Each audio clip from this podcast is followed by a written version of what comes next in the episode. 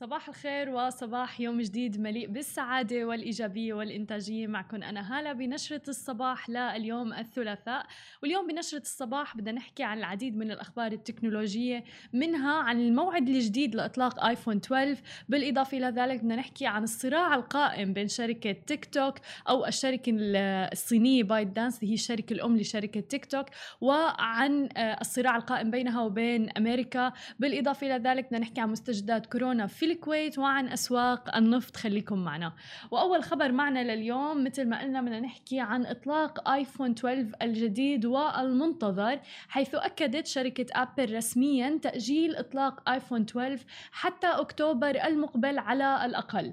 بعد أن تسببت عمليات الإغلاق بسبب فيروس كورونا في تعطيل سلسلة التوريد العالمية مما بيعني أنه خط الإنتاج الجديد سيتأخر في تاريخ الإطلاق المعتاد للشركة في سبتمبر. مثل ما بنعرف بكل سبتمبر من كل عام بيطلق بتطلق ابل آه، منتجاتها الجديدة سواء كان من ايفون ايباد وغيرها آه، عبر event بيكون منتظر من حول العالم. ولكن جاء الآن هذا تأكيد هذا الخبر بعد الشائعات تحديدا اللي نشرها المسرب جون بروسر في وقت سابق من هذا الأسبوع بأنه أجهزة ايباد وايفون الجديدة سيتم إصدارها في أكتوبر. مثل ما بنعرف كل الناس بتنتظر سبتمبر لاطلاق ايفون الجديد أو الايباد الجديد. أما الآن فسيتم يتم إطلاقه في أكتوبر وهذا هو التأجيل المتوقع حتى الآن. تم الإعلان عن التأخير في إصدار آيفون 12 حيث أعلنت الشركة عن إيرادات وأخبار إيجابية أيضا للربع الثالث منذ هذا العام. وعلى الرغم من تأثير جائحة فيروس كورونا اللي شهد طبعا تعطل سلاسل التوريد بشدة أفادت تقارير أنه مبيعات آيفون ارتفعت بنسبة 2% مقارنة بالعام الماضي رغم جائحة كورونا ورغم كل تعليق الحركة اللي صار أو حتى الأزمة المالية اللي عانى منها العالم ولكن آه، ما زال الطلب مستمر على منتجات أبل وارتفعت إيراداتها ب 2% مقارنة بالعام الماضي. أما إذا بدنا ننتقل ونحكي عن الشركة الصينية بايت دانس والصراع القائم بينها وبين أمريكا قالت بايت دانس الشركة الصينية الأم لشركة تيك توك آه، تحديدا يوم أمس الاثنين انه قد يتم نقل مقر منصة تيك توك خارج الولايات المتحدة الأمريكية. وذلك بعد تقرير عن انه أنشطة المنصة قد يجري نقلها إلى لندن تحديدا.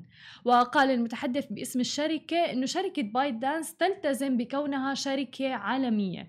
وطبعا في ضوء الوضع الحالي تقيم بايت دانس إمكانية تأسيس مقر لتيك توك تحديدا خارج الولايات المتحدة الأمريكية من أجل خدمة مستخدميها عالميا بشكل أفضل. وكانت تحديدا صحيفة سان البريطانية أوردت يوم أمس أن مؤسسي تيك توك قد يعلنون قريبا عن نيتهم لإنشاء مقر لتيك توك في العاصمة البريطانية لندن حيث ستضم إلى آه، وتنضم إلى شركات تكنولوجية كبيرة أخرى مثل جوجل فيسبوك اللي لهم وجود جدا قوي تحديدا في لندن. مثل ما عم نشوف إنه شركة تيك توك عم تعاني حاليا آه، من صراع قائم وضغوطات تحديدا من الولايات المتحدة الأمريكية اللي اتهمتها عدة مرات ومنها طبعا الرئيس الأمريكي دونالد ترامب إنه فيها سرقة للبيانات وتهدد الأمن القومي في أمريكا. ومثل ما غطينا امبارح بأخبارنا ب Smashi TV أيضا إنه آه، فيسبوك آه، عفوا تيك توك قد يتم شرائها والاستحواذ عليها من قبل شركة مايكروسوفت مايكروسوفت ودونالد ترامب عطى شركة مايكروسوفت الأمريكية مهلة 45 يوم وبالتالي تقريبا ب 15 سبتمبر راح يتم الإعلان عن الاتفاق سواء كان فعلا راح تستحوذ عليها مايكروسوفت الأمريكية أم لا.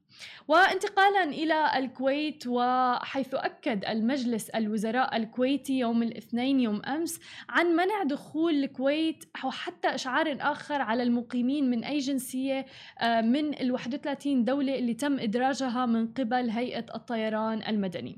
وأشار تحديدا مجلس الوزراء الكويتي إلى أن القرار بيشمل القادمين بشكل مباشر من تلك الدول أو حتى عن طريق دول أخرى غير محظورة. ما لم يقيموا خارج الدول محظورة مدة 14 يوم على الأقل. وبتشمل قائمة الدول التي أدرجتها هيئة الطيران المدني كل من الهند إيران الصين البرازيل أيضا كولومبيا أرمينيا بنغلاديش وحتى الفلبين وسوريا وإسبانيا بالإضافة إلى نيبال العراق ومصر ولبنان وغيرها من الدول الأخرى. كما أيضا جدد مجلس الوزراء الكويتي دعوة المواطنين والمقيمين كافة إلى عدم التهاون في الالتزام بالاشتراطات الصحية والوقائية لضمان صحة وسلامة أفراد المجتمع.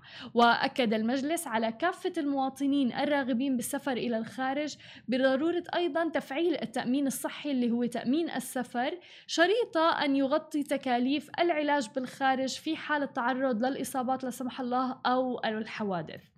كما تقضي أيضا التعليمات بالطلب من المواطن الكويتي القادم من البلاد آه، أي وجهة تقديم شهادة فحص المسحة اللي هي ال PCR قبل 72 ساعة كحد أقصى من موعد وصوله إلى الكويت. مع الالتزام أيضا بتطبيق الحجر المنزلي لمدة 14 يوما. أما إذا بدنا ننتقل بخبرنا الأخير عن أسواق النفط فتراجعت أسعار النفط يوم أمس الاثنين بفعل المخاوف من تخمة معروض إذ تتجه أوبك وحلفائها لتقليص تخفيضات الإنتاج في أغسطس آب بينما ينبئ تنامي إصابات كوفيد 19 في أنحاء العالم بتحسن أبطأ للطلب.